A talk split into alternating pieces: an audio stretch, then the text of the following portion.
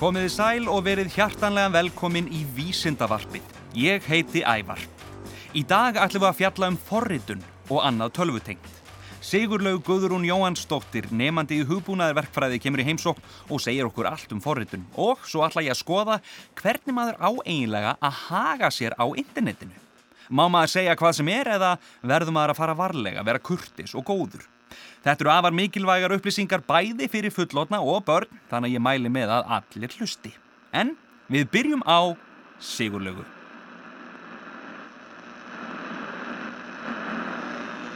Sigurlaug Guðrún Jóhansdóttir, nefandi í hugbúnaðarverkfræði. Velkomin í Vísindavarpið. Takk fyrir það. Hvað gerir nefandi í hugbúnaðarverkfræði? Þetta er svakalegu titill. Já, þetta er svolítið langt orð, sko. Já. En hérna, ég er að læra forritun, Mm meðal annars, og, og um, allt sem tengist hugbúnaði.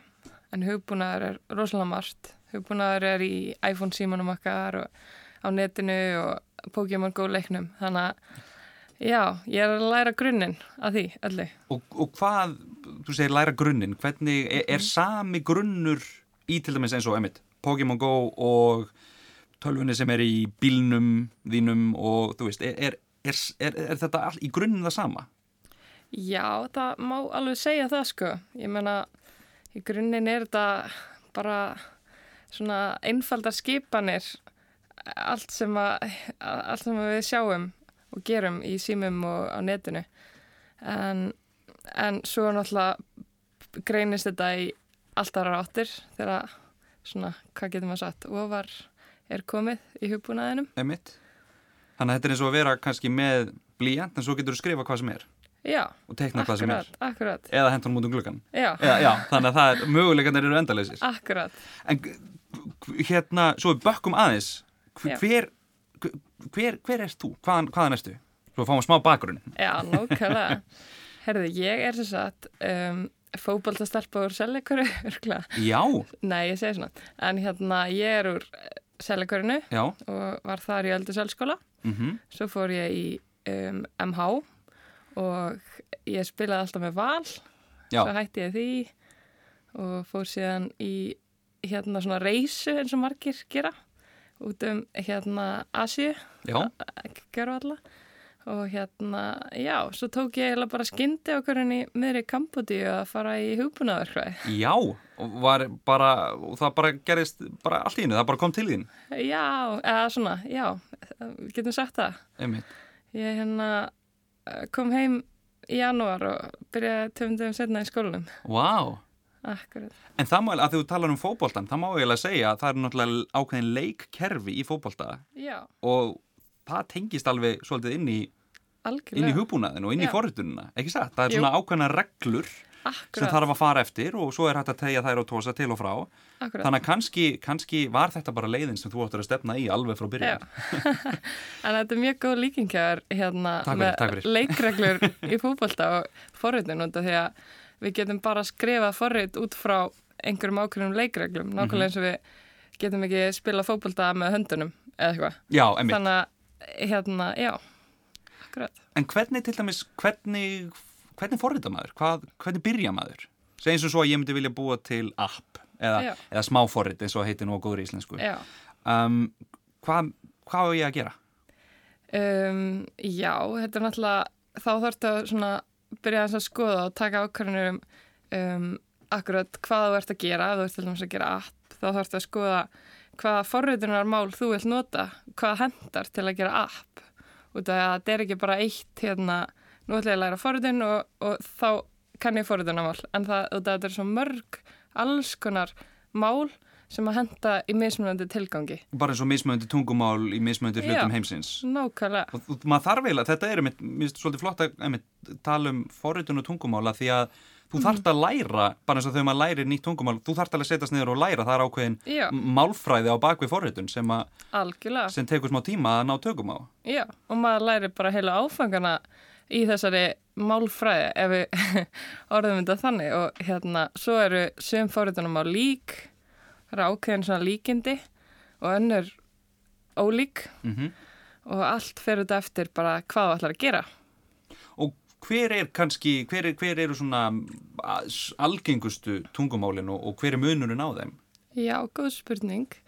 Um, C++ og Java eru mjög hérna algeng forritunamál. Já, Þau eru svona um, ekki, þú ert ekki að skrifa í C++ eða Java þú ert að búa til hérna heimasíðu til dæmis. Ekki nema hérna þú, þú forritar þar en svona um, aðeins aftar ef sem að orðið komast. Þú ert ekki að hérna búa til einhvern svona, svona útlit til dæmis með C++ og Java. nei, Þú ert meira að hérna, sjá til þess að einhver virkni sé rétt emitt, og þú veist, einhver er útreikninga sér réttir. emitt. En svo er til dæmis forðunar tungumál sem heitir JavaScript og það er svona sem hefur að gera með að þú smellir á þennan link á heimasíðunni og kemst á næstu síðu til dæmis Já, já, já.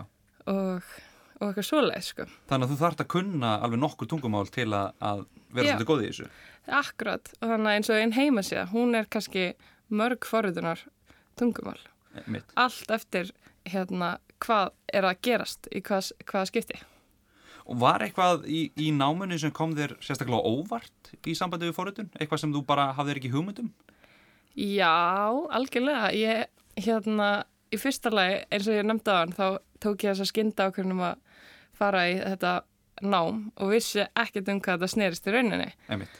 Og ég ætla bara að koma þeim skilabæðum til skila að, að hérna, forritin er engin gimvisendi, þó hún sé það meðal annars, Já, en hérna, og það geta allir lært forritin. Og ég myndi segja bara að þegar þú byrjar að læra þetta, þá er þetta ekkert eins hrikalegt og maður myndi halda í fyrstu nei, og maður er fljótur svona að, að það er svona ákveðin heldarmynd sem að er ótrúlega gaman að átta sig á svona þegar maður byrjar að læra þetta emitt. þannig að já, örgulega bara það er ekki, þetta er ekki eins óyfirstegarlegt og ég held fyrst Nei, emitt. Og voru, voru margir með þér í back? Hvað til dæmis, hvað eru, hvað voru, þú veist, hvað eru margir á ári að læra forritun?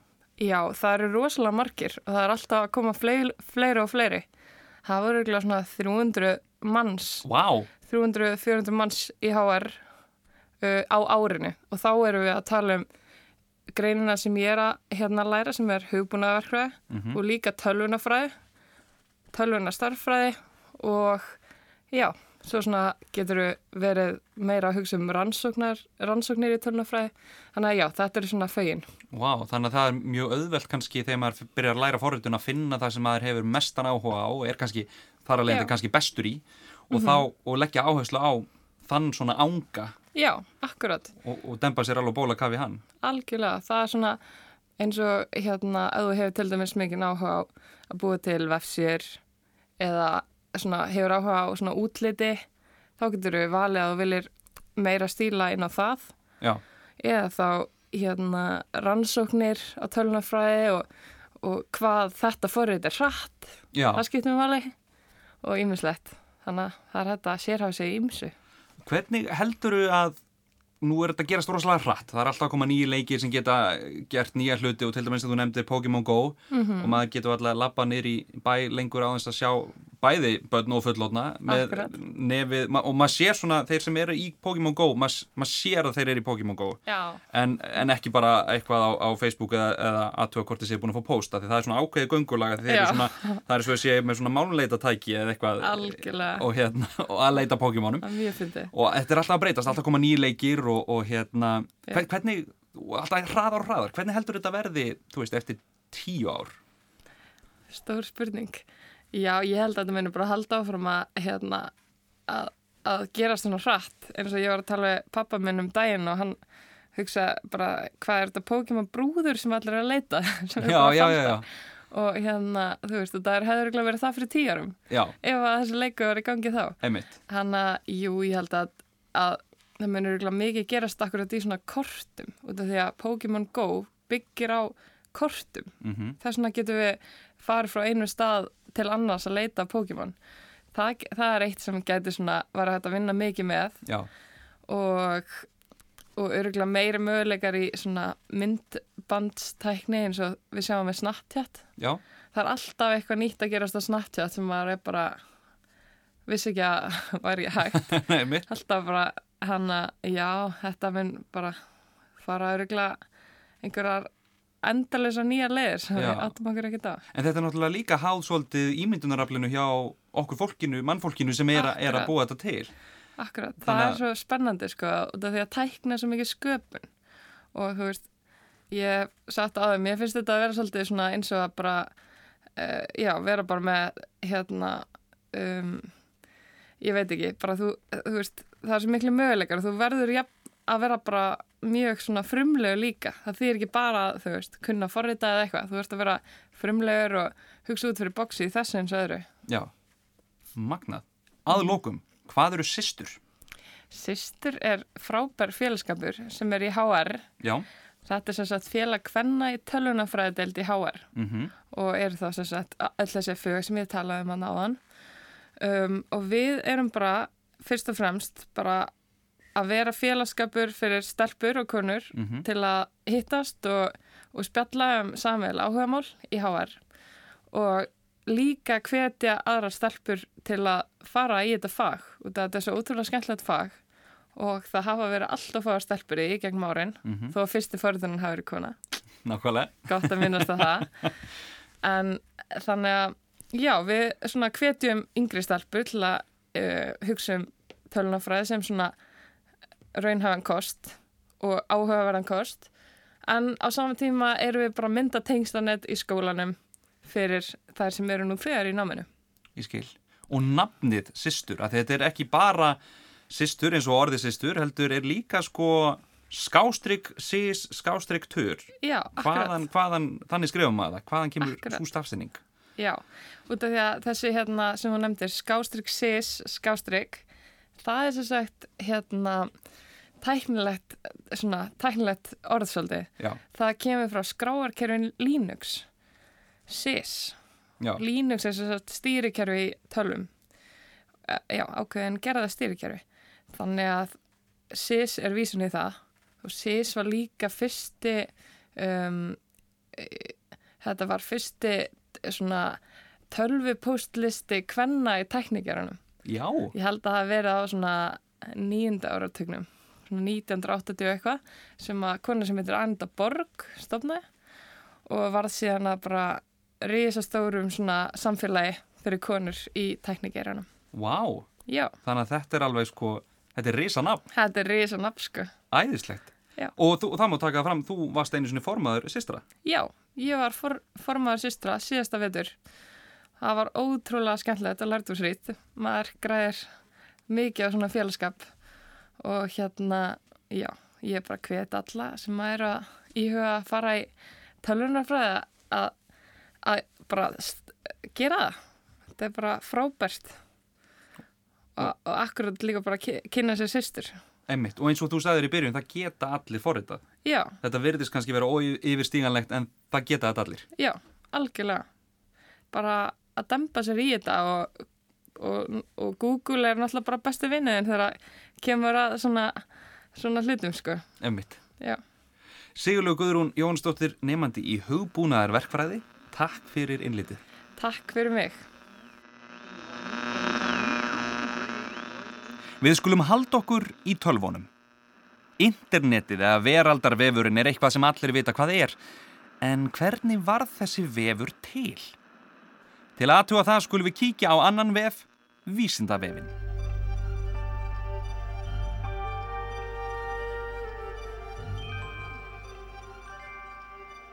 Þar segir Uppruni internetsins hefur stundum verið rakin til kaldastríðsins og kjarnorkuvárinar. Sagan segir að þegar líða tók á kaldastríðið hafi bandarísk hermála yfirvöld smám saman átta sig á því að þau myndu eiga í erfiðleikum með að svara árás ef miðlagt tölvukerfi þeirra yrði eðilagt í fyrstu sprengju í kjarnorkustyrjöld. Því hafi þurft að þróa tölvukerfi sem dreift væri á marga staði. Flest bendir þó til þess að þessi saga af tilurð internetsins eigi sér takmarkaða stóð í raunveruleikanum.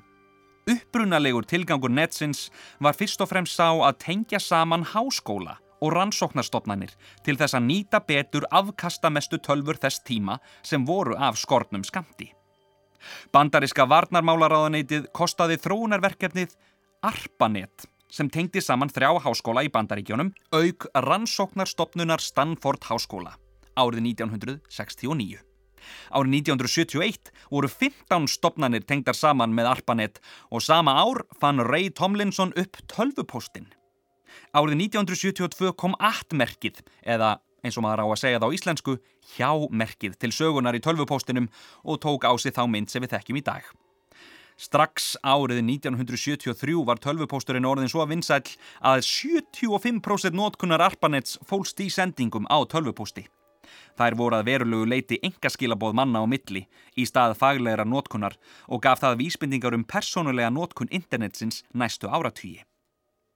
En hvernig ámaður að haga sér á netinu? Má maður segja hvað sem er eða þarf maður að passa hvert einasta orð? Ég hafði samband við vini mína hjá námsmatsstopnun og þeir bentu mér á bókina Orðspor eftir Ásu Marínu Hafsteinsdóttur og Kristjánu Friðbjörnsdóttur og þar má finna heilan hafsjó af fróðleik um internetið. Við skulum skoða bókina.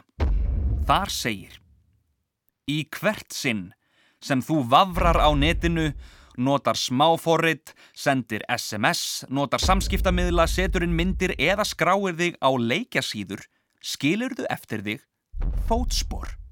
Og þessi fótspor, þau hverfa ekki. Þau eru til staðar fyrir aðra til að sjá og skoða lungu eftir að þú býr þau til. Þetta eru nokkur skonar netspor.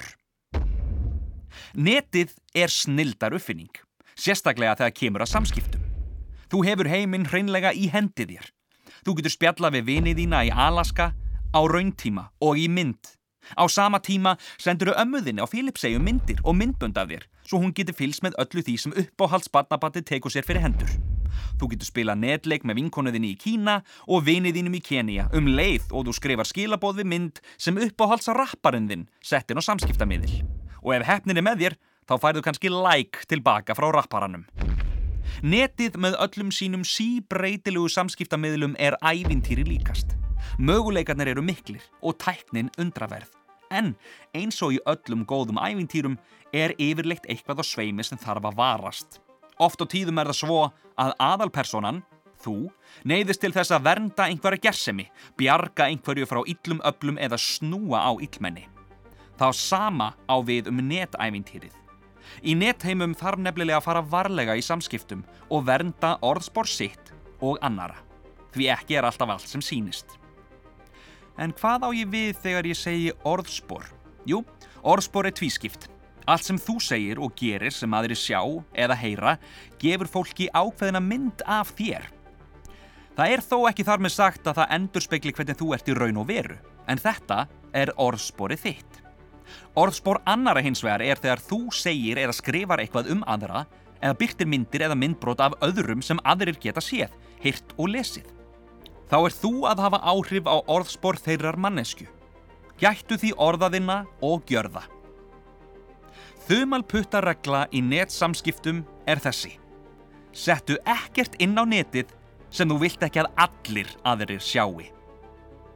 Þegar þú setur myndir, myndbönd eða texta inn á netið þarf það að hafa í huga að efnið er komið til að vera og er í raun sínilegt öllum. Jafnvel þó þú sért að senda engaskilaboð eða setja inn efni á þína eigin síðu. Það er nefnilega ekkert til á netinu sem heitir engalíf.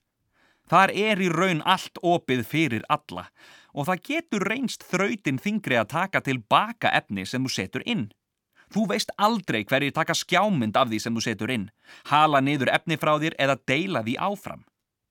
Jafnvel þó þú hafir ekki gefið fyrir því leifi eða haldir í góðri trú að þú sért að setja inn efni fyrir nokkra útvalda. Hugsaðu því því vel um áður en þú setur inn upplýsingar um þig eða aðra, setur inn myndir af þér eða öðrum eða sendir skilaboð sem öðrum er ekki ætlað að sjá. Netsamskipti eru ákaflega flókið fyrirbæri, fyrir alla og aldur skiptir þar engum áli. Það er gríðarlega mikilvægt að fólk á öllum aldri temji sér góðar og örugar samskiptavenjur á netinu. En á hverju? Jú, vegna þess að samskipti á netinu hafa týðkast í dágóðan tíma og þeir sem hafa stundað slík samskipti frá upphafi hafa rekið sig á, lendi ímsu og lært margt. Að lokum. Það eru fimm netorð og þau eru þessi. Númer eitt. Allt sem þú gerir á netinu endur speiklar hver þú ert. Númer tvö. Góð samskipti eru jafn mikilvæg á netinu og annar staðar. Númer þrjú. Ekki taka þátt í neinu sem þú veist ekki hvað er.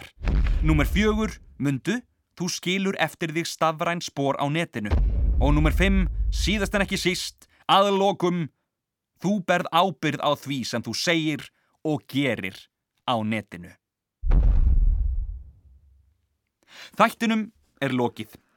Ég vil þakka sérstaklega Sigurlaugu Guðrúnu Jóhannsdóttur nefnanda í hugbúnaðverkfræði fyrir innlitið og um leið minna á vefsíðu þáttarins krakkarúf.is skástrygg ævar eða A-E-V-A-R. Þá getur næst. Þetta er ævar vísendamadur yfir og út.